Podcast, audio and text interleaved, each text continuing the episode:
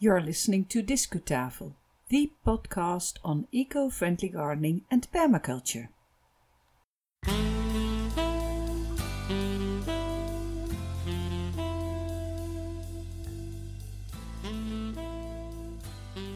Thank you for downloading or streaming this episode of Discutafel. Welcome to number 73, which is online from the 12th of March 2020.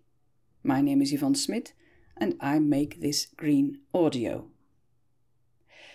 Two thirds of our episodes are in Dutch and one third is in English. Because the Dutch linguistic region is relatively small, of course, and taking responsibility for a sustainable Earth is a worldwide movement. Talking about taking responsibility, this seems to be very popular these days because we are now in the midst of the coronavirus crisis. It's cancellations everywhere here. We, for instance, planned to make recordings in Belgium next weekend at a green festival, but the festival has been cancelled, and I think it's a wise decision. We at Discutafel would like to invite businesses, governments, and everybody else. No, no, it's not an invitation, it's a request. Dear Madam, dear Sir, please continue taking your responsibilities also after this coronavirus crisis. Take your responsibilities for green well being, for fair payment of workers, for healthy soil and food, for wildlife. Okay? Right. Back to today's schedule then. I must admit we're struggling a bit here with the preparations for new episodes. You might have heard that my colleague Marlies sadly passed away last December. A great personal loss, and I do miss her expertise and ideas as well. Her passing also means lack of time now and then. A new episode, making a new episode every two weeks in English or in Dutch, that can be a little bit time consuming, especially for critical minds like mine. Your ideas for a solution would be welcome. Perhaps others want to participate in the podcast. That would be fantastic. We'll see what the future brings. For this time, I will continue making this podcast.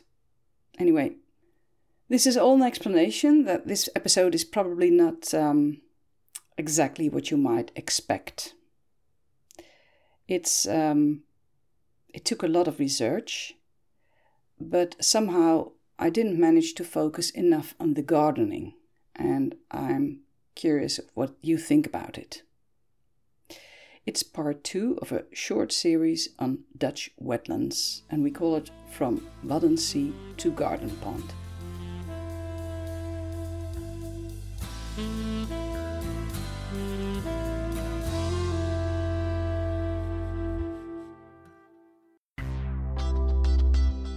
Discu knowledge.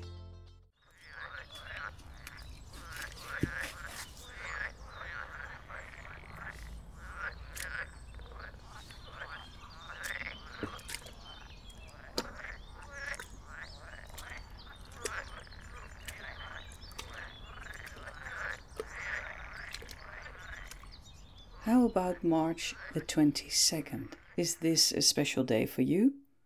well, not particularly for me, but it appears it's World Water Day on March the 22nd. It's a day about water and climate change and how the two are connected. In a short series of several podcast episodes, we're talking about water here at Discutafel, and this is part two of this series. Of course, there's enough to tell about um, water friendly gardening water butts instead of hose pipes, no digging, etc., etc.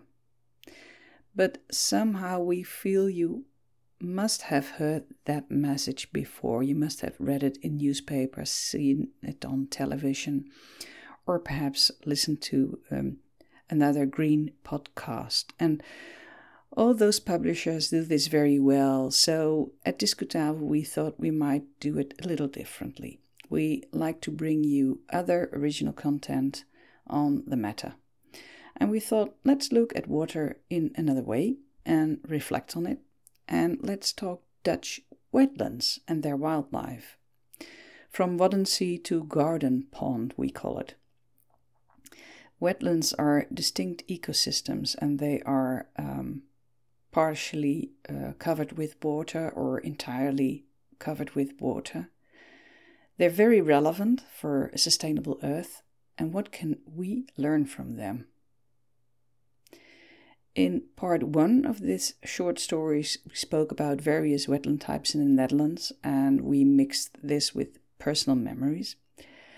We also spoke about the importance of wetlands as a habitat for numerous, numerous uh, species. We spoke about various ways uh, we, as gardeners and other people who like um, the outdoors, how we can help to protect and conserve wetlands. If you missed this first episode or would like to listen again, just go to Discutafel Podcast, episode number 70 on your podcast app. In this second part, we look at the history and the present situation of Dutch wetlands how do we manage to live and garden here on lowland? And how about flooding? Next episodes on the subject will be published in the next coming months of 2020. And if you subscribe to the Discutafel podcast, which you have, of course, you'll receive these episodes on your phone automatically. Or just go to discutafel.nl.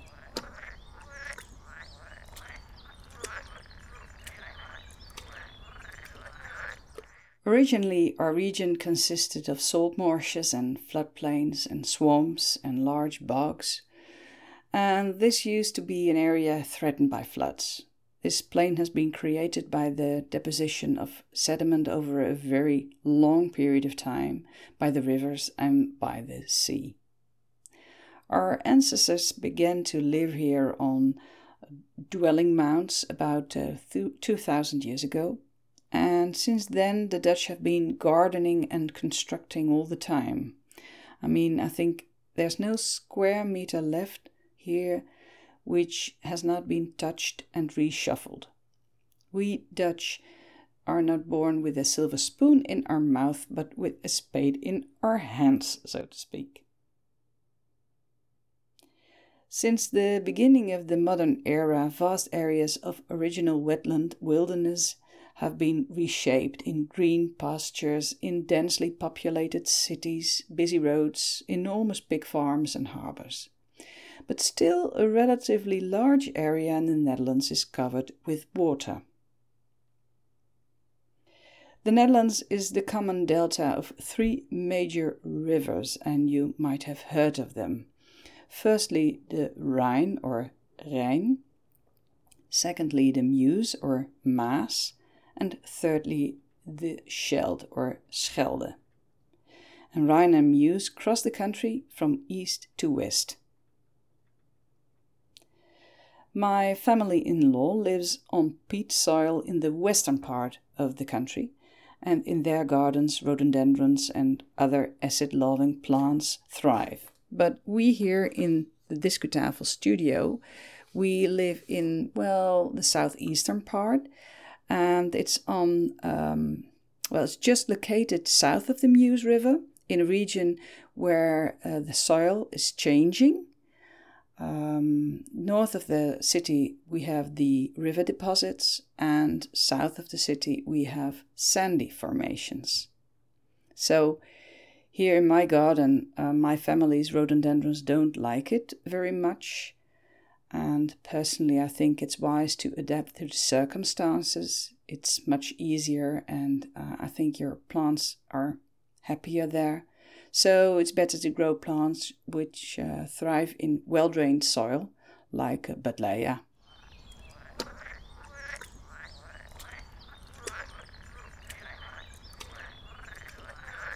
Wet ecosystems are very important here. Since we live on lowland, our country's name, the Netherlands, is no coincidence. And the highest place here is in the south of the country, near the Belgian and German borders, and it's only 322 meters above sea level. So you might have a laugh. Yes, I'll give you some time to laugh. Because 322 meters is, of course, nothing compared to, for instance, the highest point in the United Kingdom. That's the Ben Nevis in Scotland. And uh, this mountain stands more than one kilometer higher. Um, when we look at the, um, the, the, the, the uh, level, the, the ground level here in the Netherlands, about 26% of the area is at sea level or below sea level, and the lowest point of the Netherlands is located in a farmer's field near the um, well known cheese city of Gouda or Gouda, and it's more than six meters below sea level. It was um, created by reclaiming the polder there in the 19th century.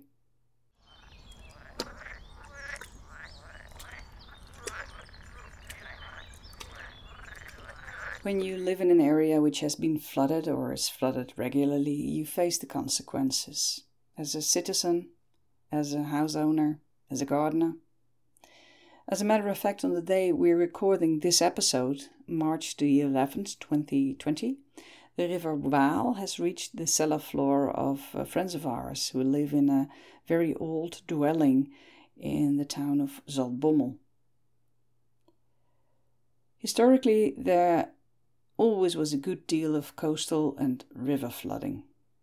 And I know people in the UK and elsewhere in the world suffer regularly from floods. This is an experience I don't have personally. And realistic or not, I feel rather safe. The Discutafel studio is uh, situated just about four meters above sea level.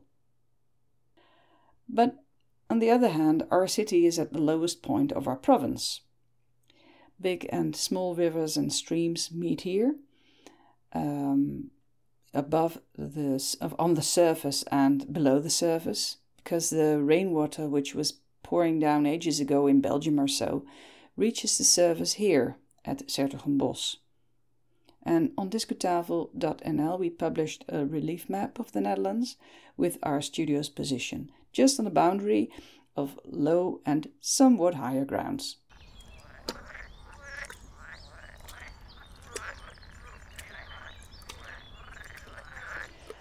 So, approximately two thirds of our country are vulnerable to flooding, and you might imagine that uh, flood control is a national priority. We have a very complicated, complex um, water control system here in the Netherlands.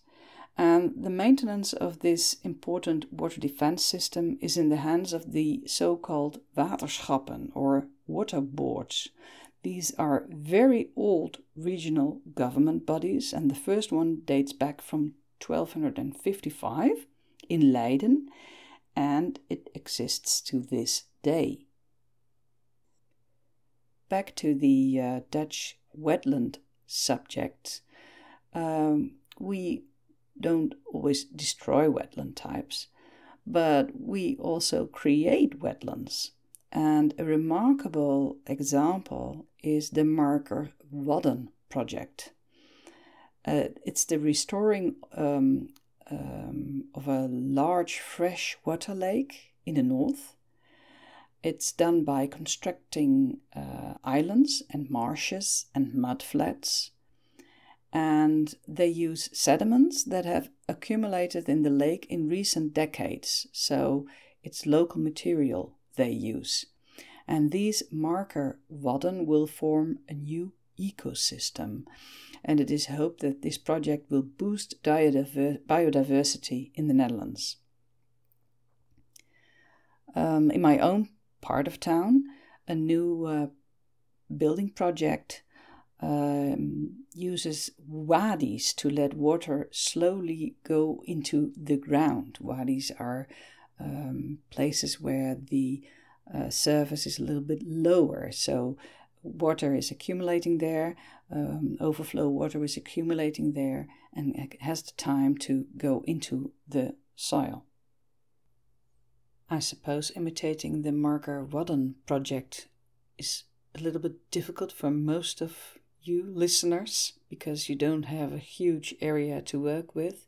But how about the Wadi idea? Perhaps you have a, a garden where it's possible to imitate that and let the rainwater slowly go into your soil. Well, that was it for this time, talking about Dutch wetlands. Next time, we'll talk about plants and animals, which are water quality indicators. And we make our preparations for a small water expedition together with you, our listener. By collecting or even making your own tools, which will enable you to look for small water creatures and plants.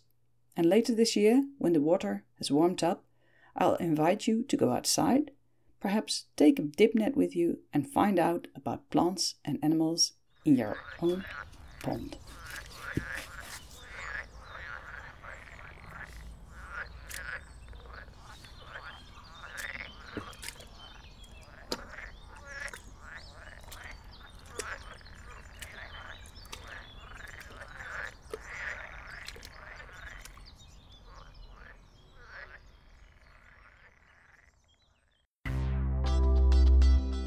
Discu finish.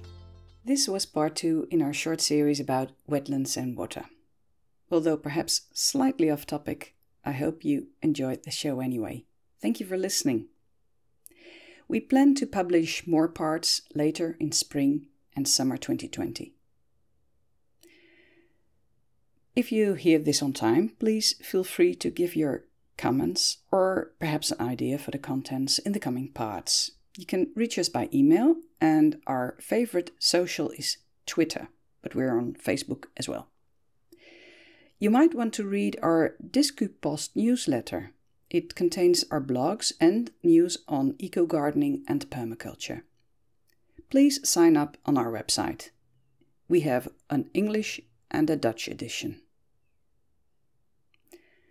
I expect the next English episode of this podcast to be online as from the 23rd of April. In the meantime, let's go outside, and until next time.